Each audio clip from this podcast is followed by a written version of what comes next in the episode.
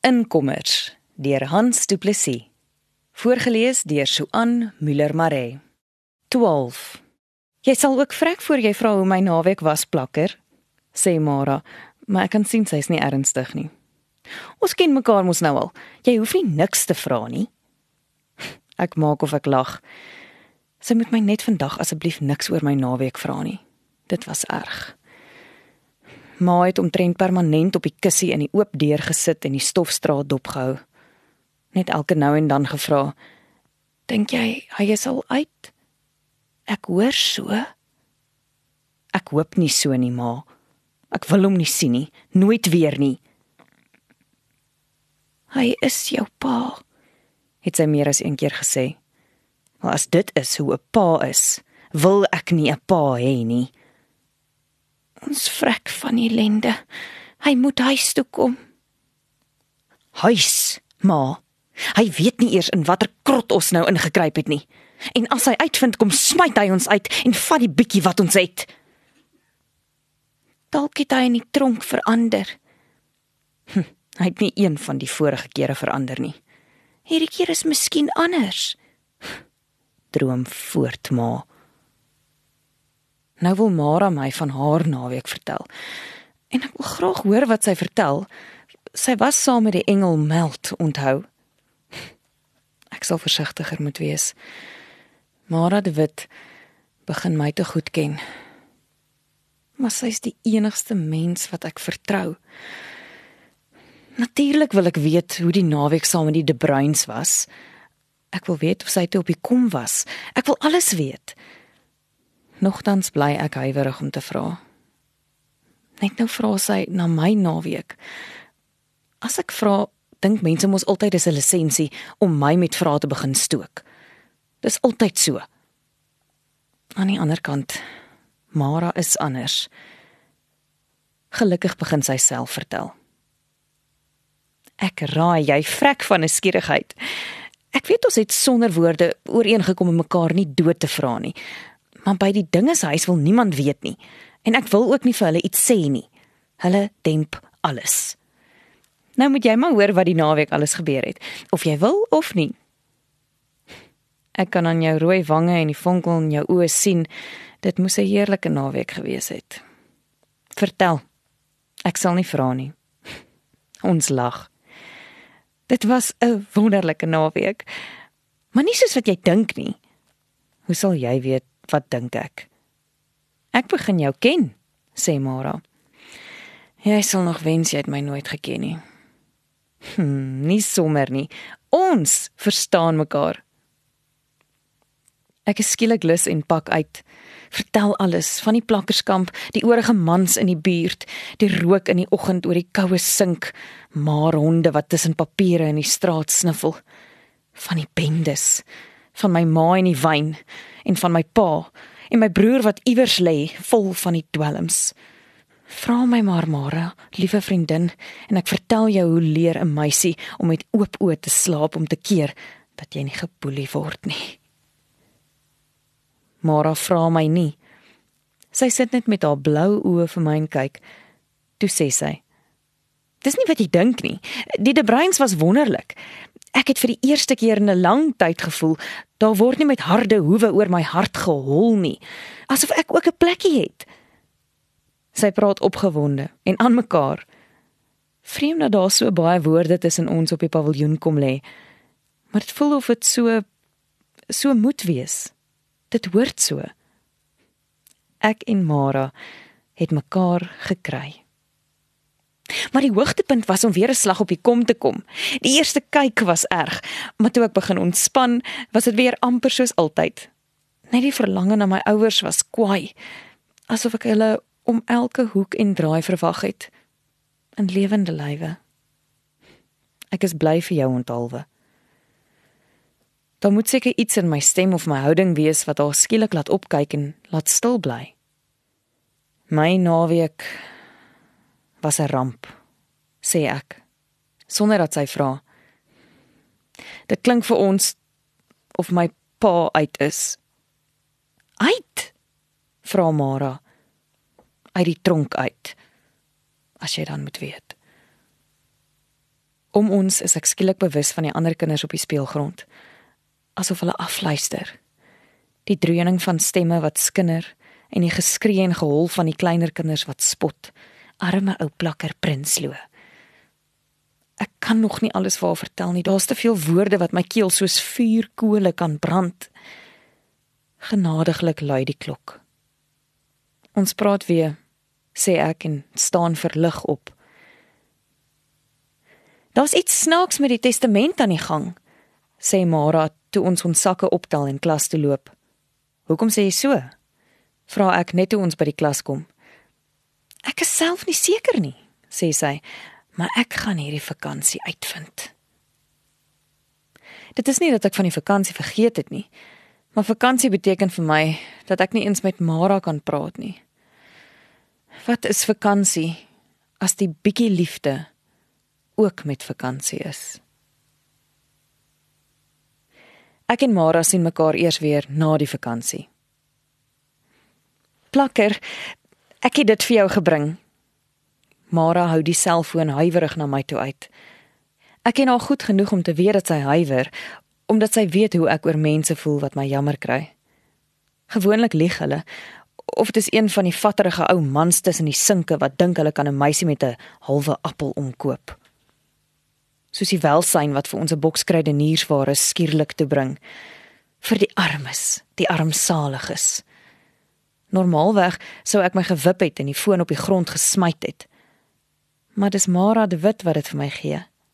Sy is opreg en sy weet ek het nie een nie. En teen die tyd verstaan sy ook dat ek nie een kan bekostig nie. Ek vat die foon by haar. Natuurlik kan ek sien dis 'n oue, heeltemal uit die mode uit. Maar ek het dit nou nodig. Veral nou dat hy uit is. Dankie. Ek weet jy het dit nodig, sê Mara. Ek weet ook hoe jy voel oor gunste en gawes, maar ek gee dit omdat ons vriende is, nie omdat ek jou jammer kry nie. Ek het die vakansie 'n paar keer gewonder hoe dit met jou gaan en ek het gewens ek kan jou bel. Hm, vis jy? vra ek. Ons vra mekaar mos nie uit nie. Dis hoekom ons vriende bly. Ons hoef nie te vra nie want ons kan praat wanneer ons wil sonder dat die een die ander in 'n verleentheid invra. Ek sal jou van die vakansie vertel sonder dat jy vra, spot Mara. Ek kan nie wag nie. Jy sal nie glo hoeveel goed gebeur het nie. Ek sit vir Mara en kyk. Afgesien van 'n boek, is sy die enigste goeie maat wat ek het. Ek weet natuurlik dis my eie skuld dat ek nie maklik vriende maak nie. Maar ek het in my lewe al geleer om weg te hol van vrae af. Mense wat vra, soek antwoorde. En arme mense verstaan nie eers die vrae nie.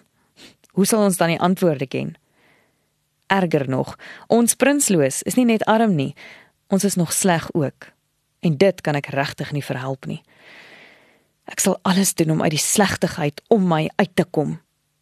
Maar die maklikste is om jou uit jou eie ellende uit te lees. Ek gee nie vir arm om nie, want dit is nie altyd jou eie skuld nie. Sleg is iets anders. Dit steek aan. En ek het lankal besluit dis 'n siekte wat ek my lewe lank sal probeer vermy. Maar ek sal dit op my eie doen. Ek het niemand nodig nie. My pa is glo uit op parol, sê ek nogtans. En ek wou verder vertel, My storie steek skielik in my kop vas. Mara sit haar hand op my arm. Sy verstaan en sy begin oor haar en haar vakansie praat. Maar vir die eerste keer wil ek oor myself praat. Miskien omdat ek klaar weet dit kan die laaste keer wees dat ek met haar praat. Nee nee, miskien nie, want ek weet dat dit weer tyd geword het vir my om aan te beweeg voordat my eie storie my weer soos 'n hongerhond inhaal en verskeur. Nou dat hy weer uit is. Maar die klok lui. Ons praat weer pouse, sê Mara en staan op. Kry jou hier. Ek is nie seker of ek dan nog hier sal wees nie, wil ek sê. Maar ek bly stil. Tog is ek pouse weer op ons ou plek. Dis glad nie vir my 'n goeie dag nie. Eintlik was die laaste week of so vir my nie goed nie. Ek wens Mara wil nou kom. Pouse is amper verby en dis alwaarvoor ek lewe. Ons stillerige gesels. Wat sou van haar geword het? Ek sit vir die kinders op die speelgrond en kyk sonder om hulle eintlik raak te sien. Ek hoor hulle net vaagweg lag en speel asof nie een van hulle ooit 'n probleem by die huis het nie. Almal is gelukkig behalwe ek. Toe praat die grouwe seunstem hier reg by my. Jy's plakker. Mara het my gestuur. Sy moet in die klas bly. Sy sê sy kan nie nou kom nie. Snaaks, dink ek. Van wanneer af moet ek of Mara laat weet as een van ons pouse nie op die gewone plek is nie? Nog snaakser dat sy Pietman sommer met 'n boodskap stuur. Pietman, ek dink jy lieg. Daai Mara girl het major problems, sê hy ongestoord en kom sit langs my. Ek skuif 'n bietjie weg. Met Pietman weet 'n mens mos nooit nie, sê Mara altyd. Tensy daar regtig moeilikheid is by die Wilsons of in die kom. Ek ken Pietman te sleg om te weet of ek hom kan glo. Maar Mara is nie vandag op ons paviljoen nie. Dis dan seker 'n aanduiding dat iets nie lekker is nie. Dit kan wees dat Mara my nodig het en dat sy nie self kon kom vra nie. Iets met die kom dalk. Wat 'n moeilikheid, vra ek omdat ek bang is Mara is regtig in een of ander penarie. Ek dink is iets met die plaas, antwoord hy vaag. Wat van die plaas? Ek weet steeds nie of ek hom moet glo nie, maar hoe sal hy van die kom weet? Natuurlik omdat hy ook mos daar woon, onthou ek. Hoe weet jy van die kom? vra hy. Pietman, moenie my sit en uitvra nie. Nie vandag van alle dae nie. Ek antwoord nie. Ek vra, begin hy, druk jou vra in jou gat. Ek kan aan sy oë sien dat hy nie 'n reguit antwoord verwag het nie, maar vandag moes hy nie aan my kom karring het nie. Nie vandag nie. Sy bietjie ordentlikheid is ook skielik weg. Ek hoor jou paas uit, sê hy. Ek weet nie hoe dit gebeur het nie, maar dit voel of iets in my kop losskiet. Ek dink nie wat ek sê nie. Wat die hel het my pa met jou te doen? Dit voel of dit swart word voor my oë. Ek wil weet of hy by die huis is. My pa het gesê ek moet jou kom vra. Hy is uit op parol. Hoekom ek hom antwoord weet ek nie. Seker omdat ek skielik besef het Pietman weet meer as wat ek dink. Selfs meer as wat ek weet. Die afgelope klompie dae is besig om sy tol te eis. Ma is pal aan die drink. Wat maak ons as jou pa hier aankom? het sy elke minuut gevra. Ek is bang vir hom, het sy gehuil. Dink maar, ek is nie bang nie.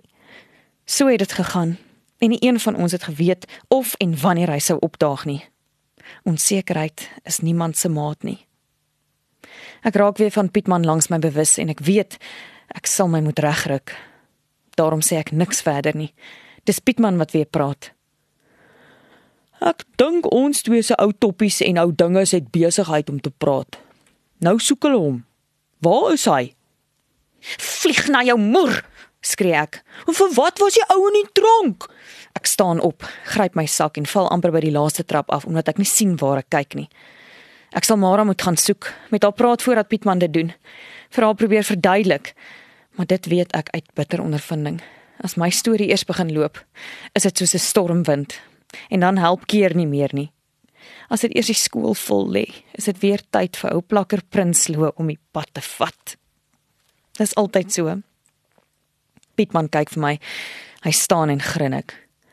Ek sal met Mara moet gaan praat, sê hy. Ek antwoord hom nie. Of het hy en Mara reeds gepraat? Hulle was seker saam in die kom.